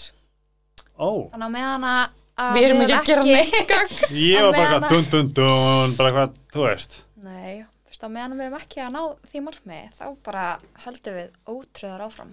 Stengið og ljón, já. En segi mér hvernig það kom til. Hvernig var raunni, voruð þið að chilla upp í sófa, Eh, er þið allar ókslega nánar, skilur þau? Nei, ég þól ekki rosa hendur Við erum bara að leifa Kristínu að vera með. og það er svo erfitt að vera kalt það henni í hérna hlaðvarfi, fólk skil veldur og klísulega. hérna, sko, bara í stuttumáli, þetta var í COVID, oh my god, ég hata þetta orð, hata þetta orð. En uh, bara þegar þetta er að gerast, þú veist, bara vextir eru bara í lægstur læðum, um, hérna, ávöxtun og sparreikningi bara líkuð í mínus og uh, við Rósa áttum svona sammeilegt að það var frekar mikið af okkur um alls konar fundum sem snerist um með konur og fjárfestingar og, Mhm. og einhvern veginn fatta maður eftir á svona, herðu, þetta er bara yfirleitt svona sami hópur en að ræða sömu máli en ekkert gerist Einmitt. og svona gegnum árin einhvern veginn líka svona búið að vera að tala um þetta en samt einhvern veginn lítið gerst í þessum málum og við ákvaðum bara að láta verkinn tala Þú veist, við bara ákvaðum bara okkur um einum fundið hann í november bara hefur við, við verðum að gera eitthvað. Þið tvær. Sko Kristín kemur inn að setna Ok. nefnilega Hvar var þessi fundur? uh, þetta var auðvitað ykkur netfundur Mm. hjá þarna, ég man ekki alveg hjá hverjum þetta var en allavega, við sáum bara bara heyrðu, við hljótum að geta gert eitthvað en okkur grunna aldrei að þetta yrði, þú veist, við bara búið til Instagram account og við, okkur grunna aldrei að þetta yrði kannski einstort og þetta varð síðan en síðan eru þau ansið dýr leikmannaskipti þarna skömmu síðar og við keftum Kristínu Ég var rándýr. Róndir Það, gott, þú kannt einmitt þetta. Verðleggja. Ú, við þurfum kannski að tala um verðlagningu. Eða kannski bara svona peppa á alla sem er að hlusta þegar maður kunni ekki að verðleggja sig og, og, og kannski líka fara út í það hvað, þú veist, eins og bara fyrir korteri hata í peninga, sko. Þoldi það ekki. Mér finnst það óþægilegir, mér finnst það bara að skapa vandamál, mér finnst það oft vera rót vandamál heimsins, sko, er sem er kannski ekki rámt hjá mér. En það er líka oftast kannski peningaleysi sem er vandamálið. Já, klálega. Ég fann, peningarnir sjálfur. þú veist, ég man bara, þú veist, í, eins og í köpun, ég var, þú veist, það er ógislega, ógislega cool eitthvað fyrir mörgum að heyra ég að vera að vinna á, á þú veist, international einhverju elít mótelskristofu skilju, en þú veist, ég, svo situr maður sjálfur bara hvað ég, þú veist, ok, ég vinn fyrir elít, það er bara hljómar ógislega vel á blæði, en hvað hva snýst þetta um, ok, ég er að, ég er að hjálpa alveg ógæðslega mörgum, hérna, dekruðum, vannþakklátum krökkum að eignast peninga skilju, það var bara þetta, veist, margir dagar voru bara svona hvað er að gera, skilju, þetta, veist, ég er að tala um sko, þú veist, hliðina sem að maður var pínu svona í ángist, hvað það var, og svo sett ég á skrifbord og ég var á engum launum. Þess að þetta varð allt í einu bara svona hægt og rólega, þess að skilji fólk sem að finnst þetta óþægilegt, veist, allt í einu varð þetta upplifinu með peninga var bara ekkert og ég þorði ekki að byggja um hærri laun og svo fekk ég, þorði ég því og þá fekk ég ekki hærri laun og þetta er svona alls konar um, alls konar óþægindi við þetta líka. Þess að líka bara svona spurning að, að skoða sig og þá er ég líka bara að ta tala við hlustendur. Þú veist, hver er þitt perspektíf á peninga? Ok, þið finnst þér óþægilegir og eitthvað svona bara pff, eitthvað, já, bara klárum þessa reikninga og svo bara leifa mánuðin eða hvernig sem er. Eh, hvort það hafi ekki verið katrinamni í þessu þætti sem tala um þetta er bara peningar er bara jákvæð orka. Og okkar perspektíf á peninga þarf að vera af henni góða veist, bara það og ég, ég var, ég þurfti bara bókstælega þú veist, þó ég trúði ekki fyrst bara ég elska peninga Þú veist, peningar streyma til mín. Og hægt og rólega þá bara, núna elska ég peninga. Og þeir streyma til mín, það er bara þú en það er líka eitt af þessu sem að hérna, þetta er ennþá daldið tabú að ræða algjörst þetta en samt erum við öll, við deilum öll bara þessu að pæli peningum alla dag einmitt, hvort sem það er sko bara greiða fyrir kaffið sitt eða þú veist, taka bensín eða hvað eina sko, Mhm. þú veist, við erum öll er alltaf að pæla í peningum og hvernig við getum sparað eða, þú veist, bara neymit sko. En samt einhvern veginn er þetta sem ekki tabú. Og líka, alls ekki, fyrir ekki, er alls ekki langt síðan að ég einhvern veginn var að spyrja vinkonum minnar hvernig húsnæðislán þær voru með. Og þú veist, annarkvort vissu þar það ekki Mhm. eða þú veist, þetta var bara svo ég var að spyrja ykkur rosa dónulega spurninga, þú veist, þetta var svo persónlegt en ég ætla hann í mínu umhverfi, mér finnst þetta aðeins vera að breytast til hins betra en þurfum líka einhvern veginn að bæta þetta veist, þetta sé að við, við getum það líka bara eld hvort annað 100% Í þessu. og líka að 100%. þóra að eiga samtalið minnst til dæmis eins og var vinkona mín sem, að, sem hringdi mig um daginn og þetta er alls ekkert vinkona mín sem ringir í mig, þú veist, andalust, en, en hérna, en hún var, þú veist, vildi svo mikið ræða launahækkun. Þú veist, hún var að fyrir launaviðtal og bara hvað hann að byggja um og ég náttúrulega vissi ekki rétt að svarið, en þú veist, bara það að hún gætt samt rætt þetta og hún greinilega svona þetta lág á henni og hún þurfti bara svona aðeins að, að segja þetta upphátt og, og það er oft bara, þó það sé ekki, þú veist, nema bara einhver eitt sem þú getur bara svona já ok, þú veist, bara svona veltu þessu upp. Þannig að þú sért ekki einn með þetta eitthvað neginn, þú veist, ok, byrju hvort þau greiða þetta núna eða núna. Og ég byrjum þetta í launaækkun, er þetta of mikið er þetta of lítið? Eitthvað neginn þannig að maður fái svona eitthvað viðmið. Líka, hvernig finnst þér, finnst þér ekki að hafa breyst líka pínu sem bara með, um, þú veist, svo nú erum við bara millennials og einhvern veginn mér sérstaklega mikið tabu í kringum okkar aldurshóp og bara eitthvað svona algjört hérna svona eitthvað svona spila sér smá niður og eitthvað svona. En svo gerðist eitthvað með þú veist yngri þar sem að, þar sem að þú veist hvort það komi frá bara þú veist TikTok eða, eða röppurum eða sem er Gucci og hvernig einhvern veginn allt, allt í nottu bara allir ungir strákar sem muni ekki þegar allir að þau eiga Timberland skó eða Mhm. díselbuxur Akkurat. þetta er kannski okkar díselbuxur svo kom Timberland og nú er það skilur Gucci Já. við erum að tala um 12 skall, 20 skall 120 skall Mm þannig að gerist eitthvað líka eitthvað svona hella perspektíf, svona breyting á perspektíf á peninga hjá unga fólkinu Mhm. En þetta er líka svona ákveð, ákveðin svona, svona ykt báðum megin, Já. einhvern veginn. Og auðvitað átt alveg að geta notið momentsins og, og þú veist það er smá svona millivegur með það ok, ég lifi bara einu sinni en á sama tíma viltu samt fara vel með peningiðin þannig að þú veist já, viltu kannski eigða allir mánaðalönunum í Gucci eða, eða kannski bara Eða betri svona- tími ég er bara, ég myndi svona leggja fyrir á eitt, eitt reikning sem heitir bara frá mér til mín. Já, það er úrslega spennandi, bara Mhm. svona ok, kemur þetta, og ég get ekki þetta. En Mhm. ef ég býði smásend, þá get ég ekki þetta. Einmitt. Og það er díortaskan, skilju já, akkurat, það er bara frá mér til mín dullir í mitt, sko. Akkurat. Það er svona já, ég held að það sé mjög mikilvægt að þetta verði skemmtilegt og, og líka sko einhvern veginn eins og við tölum um í byrjun þú veist, að þetta sé myndrænt líka. Mm -hmm. spil þetta bara smá svo tölvuleik Mm -hmm. skilur við, fútbólmanager já, eða eitthvað. Líka sko, maður þarf líka að spyrja sig, veist, hvað langar mig? Hvað vil ég, hvað þarf ég? Já, þú veist, er ég að sapna fyrir fríinu mínu, þú veist, langar mig í drauma frí, langar mig í heimili, að því um leiðum að veit svona, hvað sem maður, svona ásetningin, eða svona að, agenda, mm, Þú veist, þá er þá þetta nærðu fyrir markmiðinum, af því að þú veist, þú veist að það er ykkur ávinningur af þessu, skilur Já. af því að það er sem að tala um svona rauksýni, þú veist, við erum ekkert á morgun einhvern veginn, herði, ég ætla einmitt að vera svo þú veist, passa samur að hérna, geima þessar 100 krónur, þú veist, fyrir eitthvað frí eftir fimm mánu, eða já, þú veist, við erum einhvern veginn en þau þurfum að setja eitthvað markmið af því að annars gerist ekki mikið. nei, einmitt. Einmitt. Það er- Nei, mér finnst það mest skemmt að geta hugsað um þetta sem bara svona leikur. Já, Já, og náttúrulega verður svolítið að gera það. Og mér fannst hérna, ég, ég sá mitt á TikTok um daginn, mér finnst þetta skemmtilegt af því að ég var að tala um þessa vinkuna mín áðan. Og ég hugsaði, það var sérst talað um svona money friend mm. og ég hugsaði, ok, kannski er ég þessi money friend. Ertu til í það? já, mér finnst það gaman sko. En þegar Fortuna komið lengra þá ertu að rukka fyrir það. Já, kláðslega nei, ég er meira að tala um sko svona, ég er alveg, þú veist, þú ert ok, þú ert vininn sem þú tristir alltaf á að hann er til í djammið. Mm. og þú veist, eða vinnin sem að hérna, bara treysti fyrir öllu eða hvað það er skilur, en svo líka geggja ég að vin til að ræða bara svona einmitt launin, lánin þó þetta sé kannski ekki mest spennandi vinnurinn en Nei, en þetta er svolítið gaman því að þú veist, núna er ég í, í svo samfélagsmiðl, samfélagsmiðlamarkanum og þar er oft bara svona, þar er, þú veist, þar er í rauninni, þú veist, þar, þar, fólk er ennþá að einhvern veginn debata af hverju við erum, af hverju sumi gerir þetta ekki frítt eða af hverju Mm. eitthvað svoleiðis og þú veist, ég á til dæmis eina vingunum sem er bara svo geggju og er bara svona algjör drottning í sinni, sinni, sinni departmenti og ég, það er búið að vera dáslegt að vera bara, nei, þú drukkar þetta en ekki þetta, bara minimum 150 eða whatever skilju og það er úrslega eflandi því að svo líka, þú veist, þetta er líka ákveði hva, hvernig vali voru sjálfa þið skilju, ég er dögulegur, ég ger mitt besta og ég ger það vel og ég er búin að vinna í, þú veist, x 10-15 ár til þess að, þú veist svona fínpúsa kraftir mitt skilju, Mhm. my craft.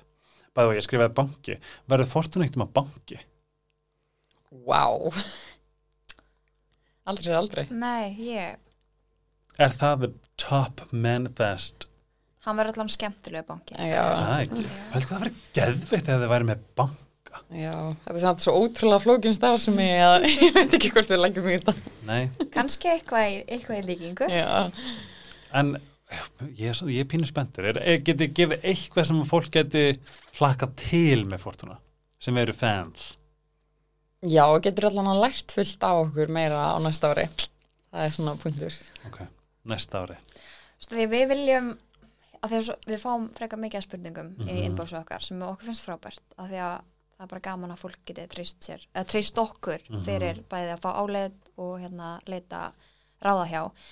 Um, við erum samt því miður ekki að veita hennar fjárfestingar ángjöf, en oft Mhm. reynum við að með ykkur móta leiðbuna fólki.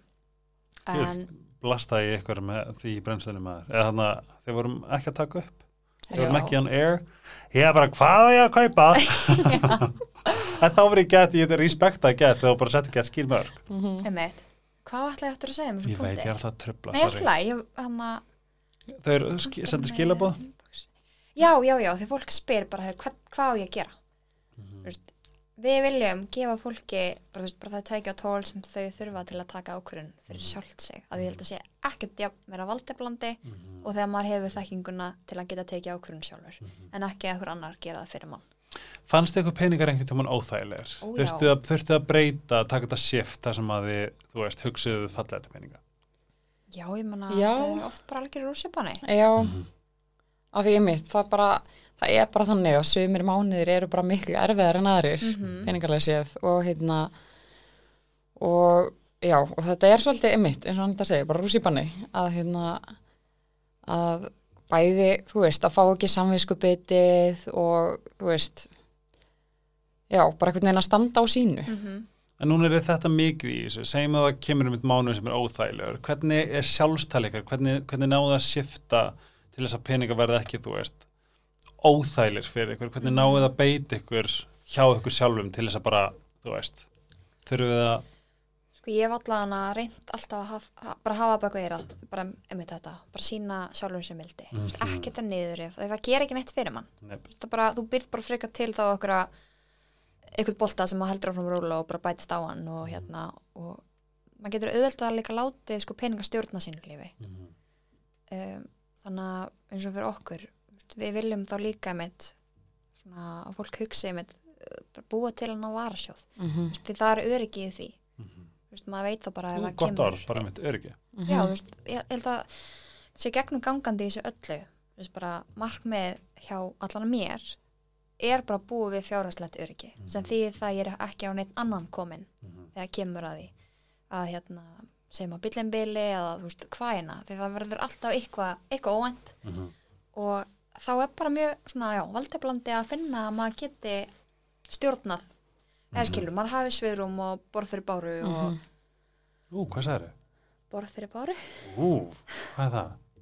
það er orðatiltæki En flá, bara svona elska orðatiltæk. Mhm. En þó, Þannig að Já, um, hvað var spurningin? svona hvernig þegar sem kemur erfi mánuður, Já. verður bara einhverju fokk. Já, Þú veist, að því að peningar eru líka frekar flókin orka, ekki svo? einmitt Þú veist, hvernig nærði það shifta bara, hei, Já, hvað er svona, Sko, ég held, ég held að það sem að ég gerir svolítið núna, eins og til dæmis, þá er ég hætt að vera með Airbnb. Og það er smá sjokkur veskið. Að hérna, að þá þarf ég alveg líka virkilega að hugsa, ok, ég er líklega ekki að fara að leggja aukalega inn á lána mitt þennan mánuðin, uh, það er jól og það er mitt bara svona þessi hugsun gagvart í að þú verð, þú veist, maður verður að breyta hugafarinu sinu eftir því hvernig ástandið er, þú veist, það er ekki bara því er ekki að vera bara alltaf bara, herra, já, hérna, ég ætla bara að halda áfram að lifa kungalífinu mínu, hérna, sem ég lifi, þú veist, í sumar eða hvaðina, heldur, hérna, já, að þetta er, gengur svona í bylgjum og, hérna, og einmitt þetta mildi bara, að, að vera bara, ok, og svo, svo veit ég að það kemur þú veist, annar góðum mánuður mögulega kannski mars eða apríl eða eitthvað þar sem að minni útgjöld eitthvað svona. Og, og það er meitt svona þetta svits núna að fara úr svona miklu það er alveg, líka í útgjaldar mánuð já, einmitt. Þannig að hérna já, þá allan að reyni ég bara að hugsa ég, og ég tek alveg eftir að, að hérna, þetta er náttúrulega það sem að gerist þegar að þú eins og að tala um bara að þú fær hérna meiri peninga, hærri laun eða hvað það er að þú ferður líka bara að lifa hærra mm þá breytist það ekki. Nei, þannig að hérna, það er líka kannski bara hana, gott fyrir manna aðeins að þurfa að hugsa sér tvisarum og að taka 30 dagar reglun á þetta og bara vanda mig þetta eða langa mig í þetta mm og aðeins að meta það. en kannski líka í þessu samengi sem að við einmitt skrifum hana í bókinni okkar sem við gáðum út hann fyrir árið síðan. En þá til núna í bókaflöðinu, ekki? Mm jú, það eru einhver eintök eftir sem hún seldist upp og við ákvaðum í voru að fara í endurpröntun geðvegt. þannig að það eru einhver eintök sem að leynast. Ég Guðmundsson og okkur um fleiri. En þar tölum við um 50-30-20 regluna. Einmitt, hún er líka á Instagraminu til þess Já. að fyrir ykkur sem að hafa ekki farið inn á. Einmitt, bara endilega kíkja á Instagram um, en í grunninn gengur hún út af það ég myndi nú held í dag ef við varum aftur að skrifa bókina myndi ég vilja sko segja 50-30-20 viðmið af því að hérna uh, en það snýst sérst, uh, í stuttum máli um það að þú ert þarna með tekjurna þínar Mhm. bara hvað er að koma inn og þú yfirfærir sérst, um, yfir á sérst, já, þá 50% af þínum tekjum fer þá í fastan kostnað. Mm bara eitthvað sem þú ert að greiða í hverju minnsta mánuði. -hmm. Er það talað um bíl, matur, bensín, allt þetta? já, bara allt sem að, og tryggingar og Mhm. áborgun eða leiga leikskólagjöld, bara þú veist, hvað eina. Og við setjum alveg bónusferðnar inn, þú veist, maður getur náttúrulega ekki lifa án þess að hafa hana, eitthvað ma mat í skapnum. Mm -hmm. 30% fyrir í svo kallaða skemmtun Mm sem að er það rauninni bara allt sem er ekki nöðsynlegt Mhm. en veitur okkur ánægju -hmm. og 20% í sparnað auðvitað eru aðstæður fólks mismunandi Mhm. þannig að fólk getur bara hérna, breytt hlutóttunum eftir því hvað henda sér en þegar ég gerði þetta í fyrst skipti þá fannst mér sko fannst það, vitt, eh, það gaf mér svo mikla ró Mhm. þegar ég sá sko að bara já, 30% bara fyrir skemmtun Já. Eða skilur þessi því það að bara ef ég sé skópar í smárlind sem ég langar í ég get keift mér það þannig að fá saminskupið að því ég er bara búin að bara setja markmið já, Mhm. bara þarna er bara þessu upphæð sem ég ætla bara að eða sjálfa mig Setur það á mismöndi reikninga eða er þetta meira bara svona í haustnum? bara í hausnum eða þú veist, bara getur þess að nota bara einmitt blað og penna Mhm. eða Excel Mm þannig Gleimdu því vinkona, en takk samt. ég veit það, en svo bara það, það svona sirka bát, þetta er bara snýstum að setja markmið, þú veist, þá líka bara veit maður, ok, Og einmitt þessi er- meðvitund sem hún talar um að líka. já, þetta er fasti kostnæður minn, þetta Mhm. er bara þú veist, ég þarf alltaf að eiga fyrir þessu Mhm. bara ef ég ætla að mynda að halda í búðinni og halda lífinu gangandi, Mhm. en þú veist, einmitt, við erum ekki svona ótrúlega fullkomin, við viljum líka hafa gaman Algjörlega. og, þarna, og sem er bara nöðsilegt, út af það gengur þetta og þetta því er líka með bara, ég fett það út að bóla með vinkunum mínum og bara trýta mig Einmitt. af því ég veit bara að ég er með ég, þetta er bara, ég bara ákveða það að það fari aðna, segjum bara 60 skall í hverju mánu sem fer þá bara í með föt, skó nýrtuverur, út að borða. Whatever, skilur 60 skall er góða pinningur í alls konar svoleiðis. já, veist, ég bara tók, tók sem dæmi sko. Mhm. og segjum svo, og svo ok, svo þú fyrir 20% í bara sparnað. Sem ég hugsa þá bara, ok, þetta er bara peningur sem ég ætla að setja í vinnu. Ætla En þú leggur hann fyrir, þú setur hann inn að sparnaða reikninga ekki. já, það, já, það En hvað eru já, fjárfestingarnar inn í já, það er það sjóð. það bara, bara það sem þú vilt gera Já, sparnaður getur Já. líka verið sjóður. Já.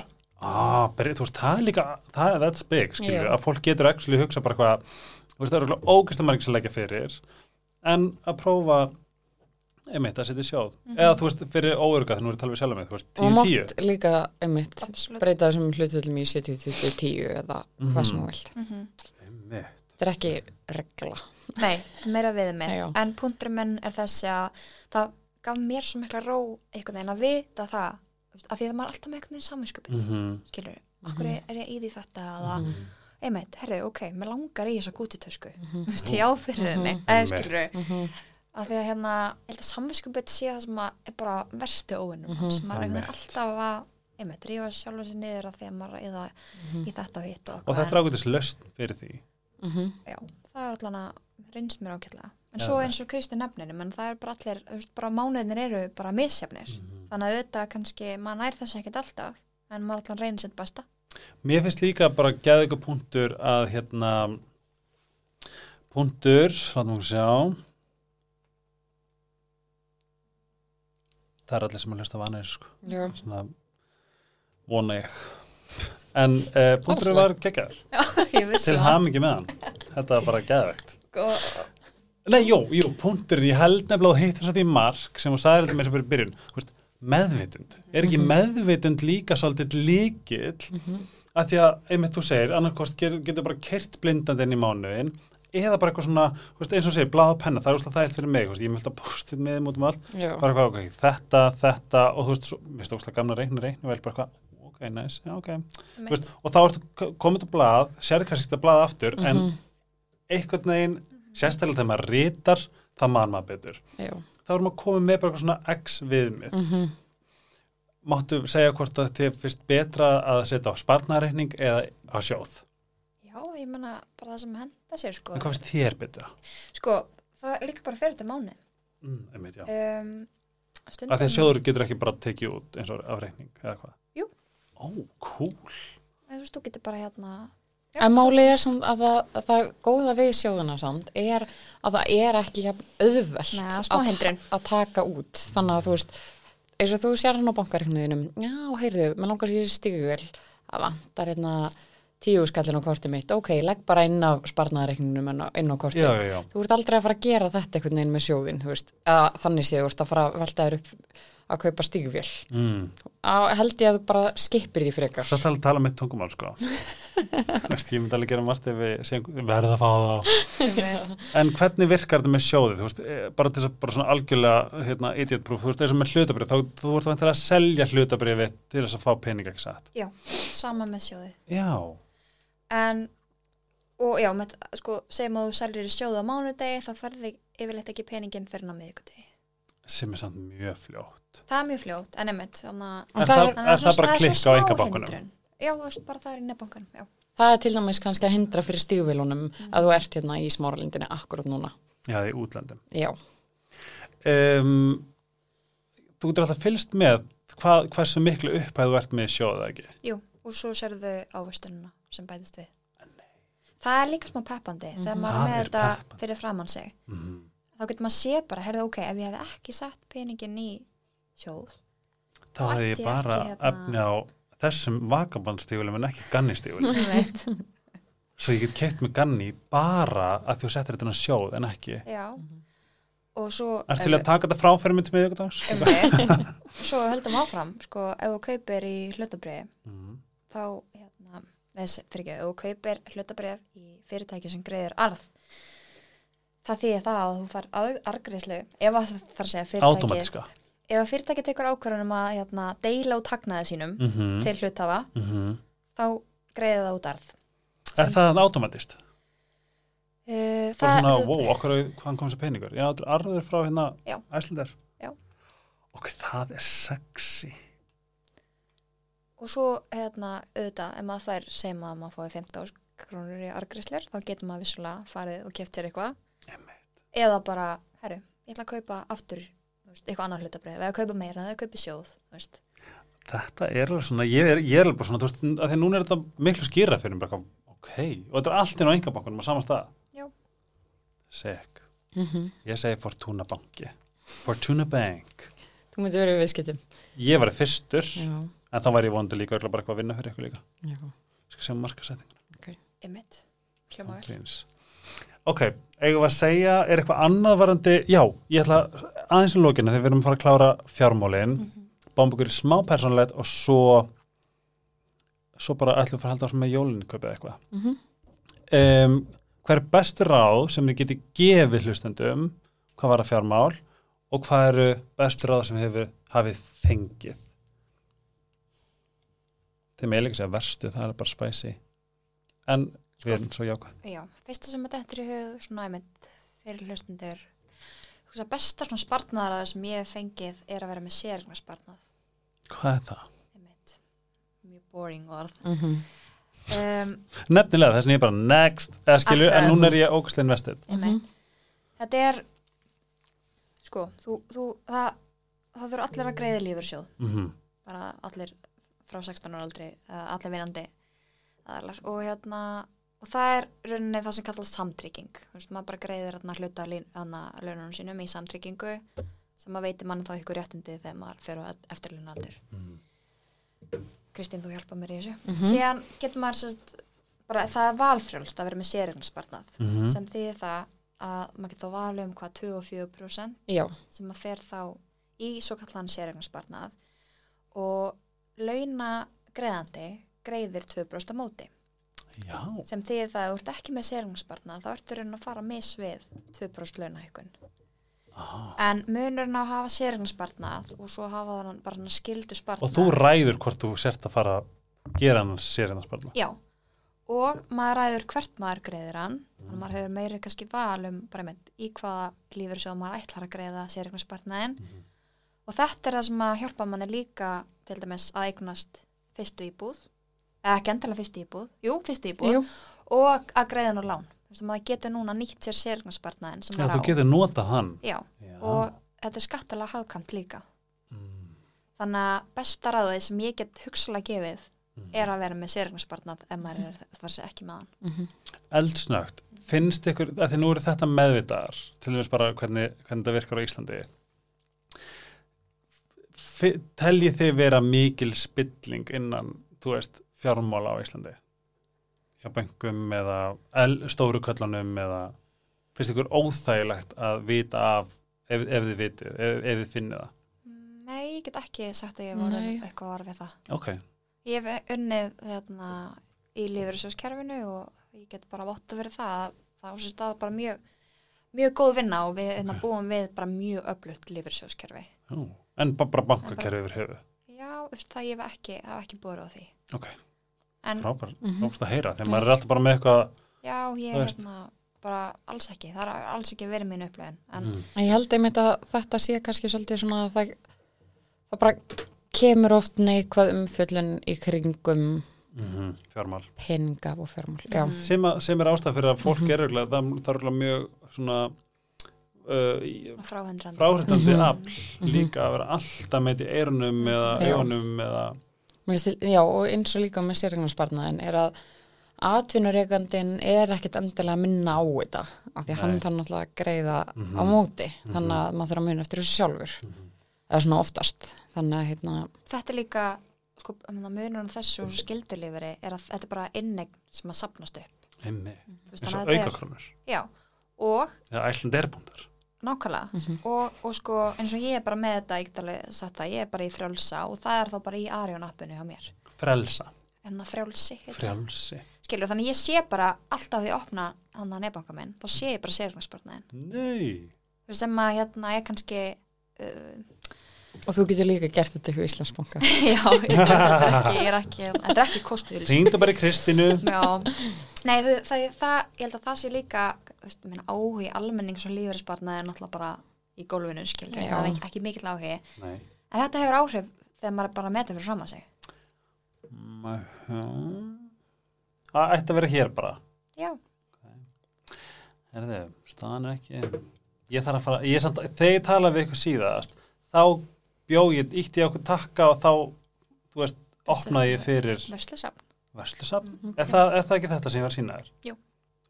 Og ertu byrjaður? Lífveri hérna. Að ok, Ding, ding, ding. Ching chang. Mhm. En mér langar samt kannski líka að deila öðru spartnaðaraði fyrst ég nú byrjuð. Nákvæmlega. Ég held að sé líka bara svona, mjög gott ráð að byrja í áskrifti sjóði bara upp á 5 úr skallamáni það er að sniðið ég menna, ég er að greiða, ég veit ekki. Segjum bara, örgulega 5 úr skall fyrir þú veist, Spotify, Netflix uh -huh, ykkur af fleiri efnisveitur uh -huh. þú veist, okkur ekki bara taka líka 5 úr skall Ég í sjóð og þá heldur bara að gleyma þessu. Já, og nú líka bara eitthvað pitt, ég var á einhverjum stað og þú veist, pizza kostaði 4990 sem var lítil, sem var þú veist fyrir eina mannsku og ég fekk bara svona deg og sósa skilju Hvað þetta kostaði eru búið, búið til sjálfur, Helgi? Ei, mitt, Ah. Þeir reyna að nóga þessum takk sko. Já, en það er samt, já, það sem að mér langar að bæta ofan á þetta ráð frándu er líka það að, Oh my god, hvað var aftur á þið?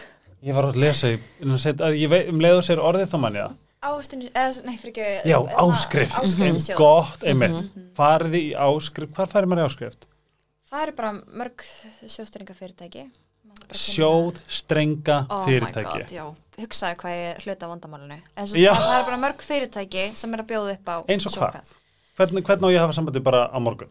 uh, ég tók eftir að þú varst til landsbankanum Mm þá til dæmis getur þú fjárfist beint í landsbrifum Landsbrifum eða, Er það innan bankans? já, Ok Íslandsbanki með Íslandsjóði ah. það er innskot að fá um borga fyrir þetta Kristín uh, stefnir, aktasjóðir Ég er veist. eitthvað klik nei ekki þú, Já. heldur þennan Já, einmitt, já, já, mhm. einmitt já Landsbankin, millifærið Já. og Anitu, Kend uh, og þú veist, einmitt þetta er hérna bara líka er allt inn á Instagramun okkar ef fólk vil Na- kynna plús sér það, þetta já. nálæg en nánar segi En það sem ég ætla að bæta við ofan á þetta er að, er að til fólksins að ekki vera með afsökunar lengur eitthvað, já, heyrðu, já, ég ætla að gera þetta í næstu viku, nei, ég ætla að gera þetta í næsta mánu nei, ég ætla að gera þetta hérna 2024, Jep, já, þetta er, það, er sérstaklega til þín, Ég er algjörlega, ég er að taka þetta sko hundrað og miljón prost til mín. Að því þá ertu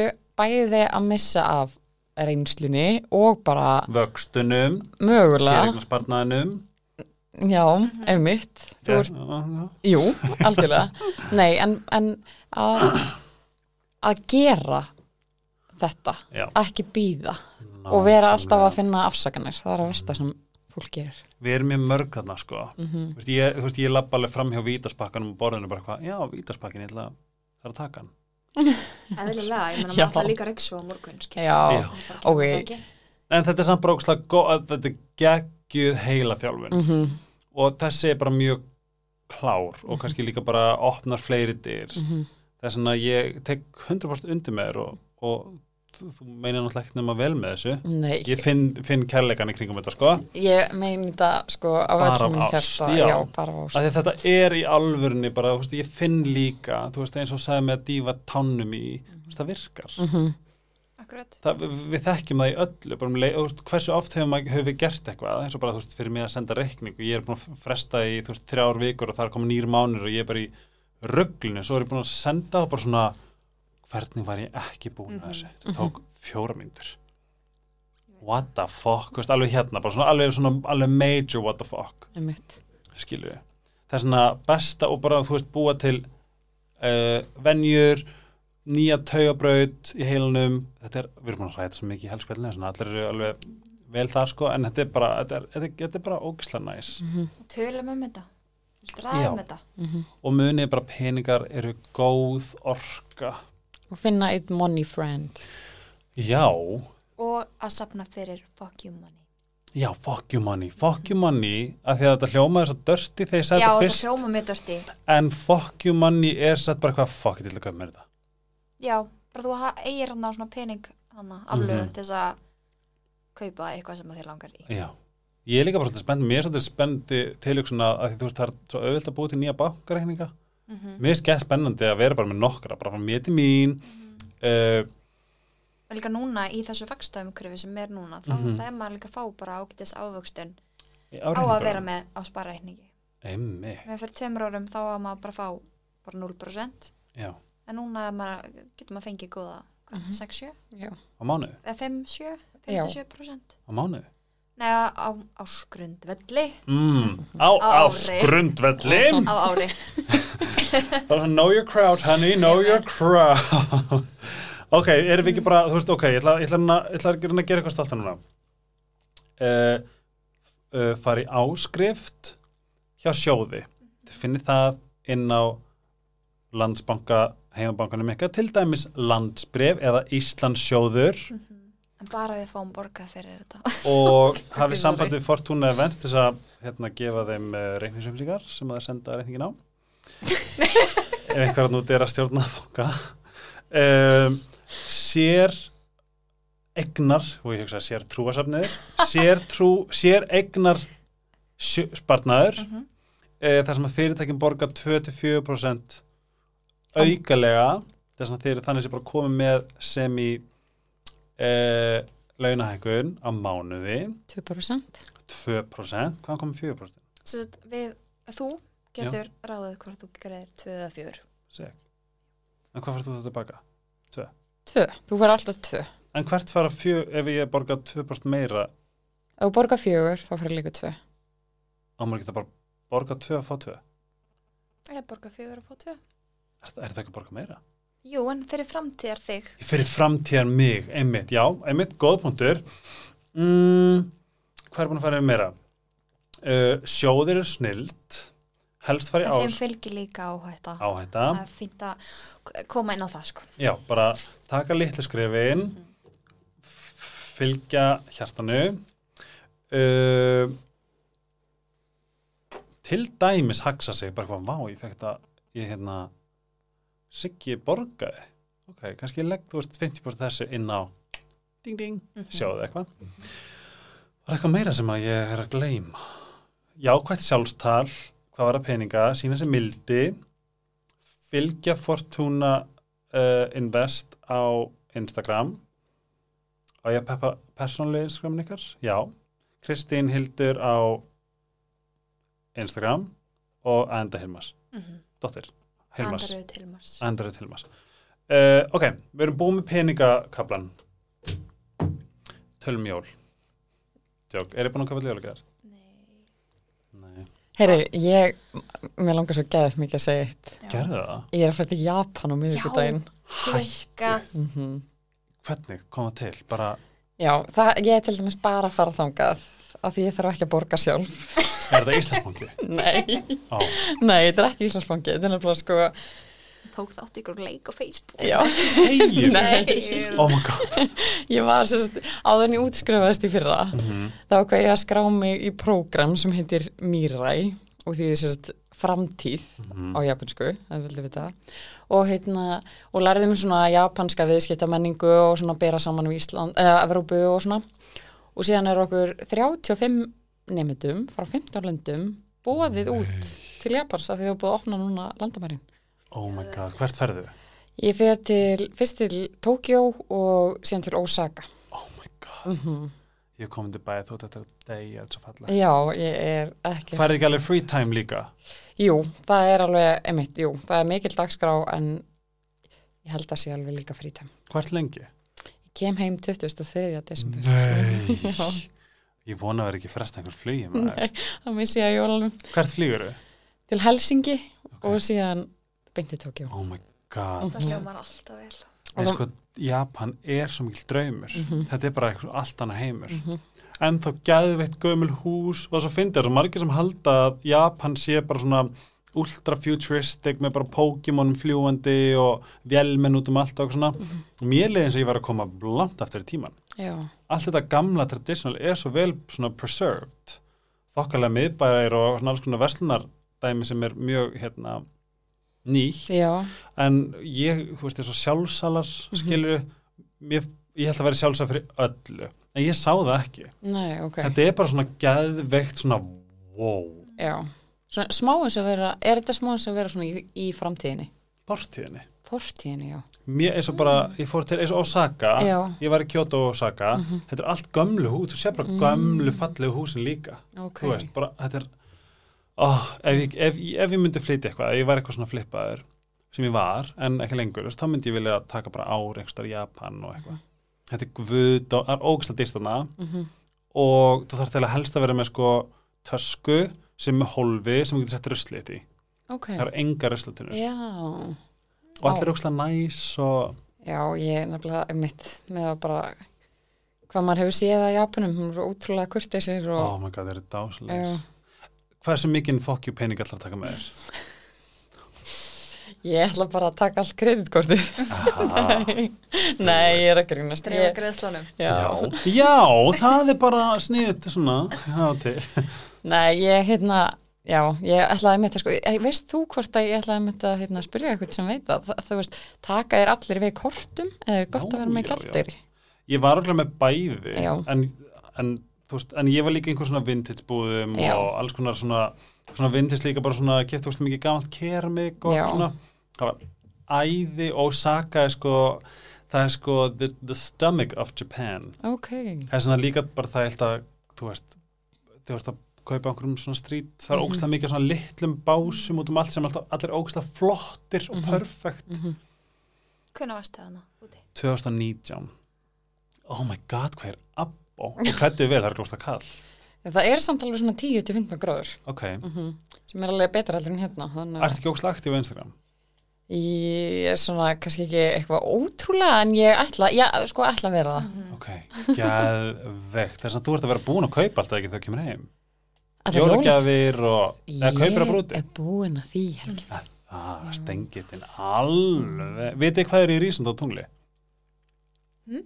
ok, við tungum það í næsta þetta Já, uh, skemmtir ógæðslega vel ert að grínast takk. ég er að fóla að skvís nuna Mhm. um, er þið annars bara chillar í kringum jólin? Já. Ertu búin að kaupa? Nei. Nei.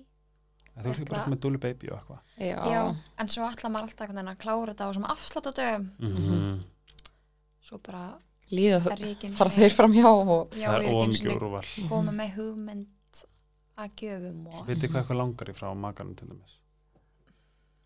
sko, ég og kærasta minn þetta er bara þannig, er bara þannig mánuður að við ætlum bara að gefa okkur öðru bara eitthvað pínulítið og Ok. ég valdi mér snirti tösku og húfu Ó, hvað þú ert ham... mm Hvernig húfu? Ganni allavega. svona, hún er nefnilega svona bleik ganni Já, Ó, ágrín. En þú? ég ég bara veit það ekki Þú ert ljón, þú átt að fíla gjafir. já, ég Það er bara stendur kortan í henni, elskan mín. já, ég er eitthvað að grafa fyrir Bara skæðist að limit, sko. Herði elskur, hvað ekki maður lægina? Uh, ég held að við okkur hafa tekist nokkuð vel að fara yfir fjármál á eins miklu mannamáli og helgamáli og uh, við getum en enn og aftur, bara please komið aftur höldum áfram að spread the finance love sem konur og ungar og óksla skemmtilegar og án gríns.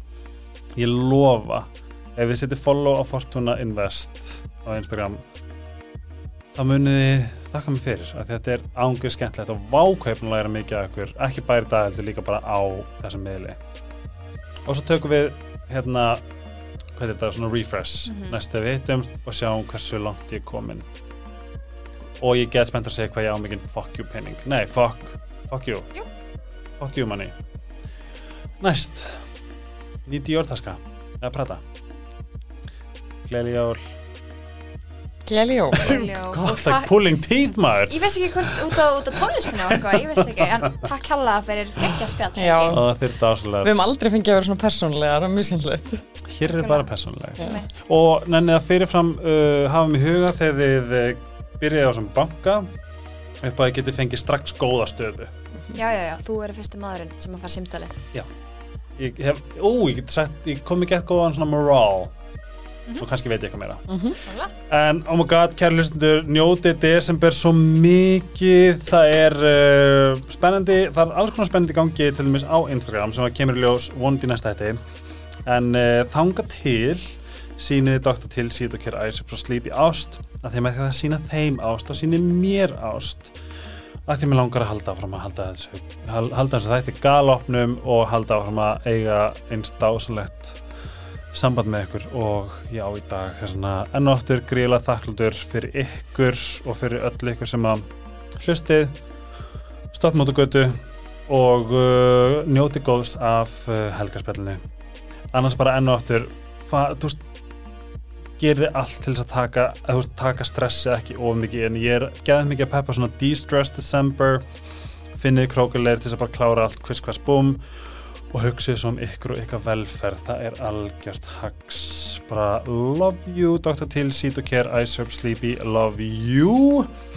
Og heyrumst bara sem fyrst. Það verður pakkað desember þess að ég laka til. Heyrumst. Til með að segja bæ með mér. Eitt vera bye, Bye.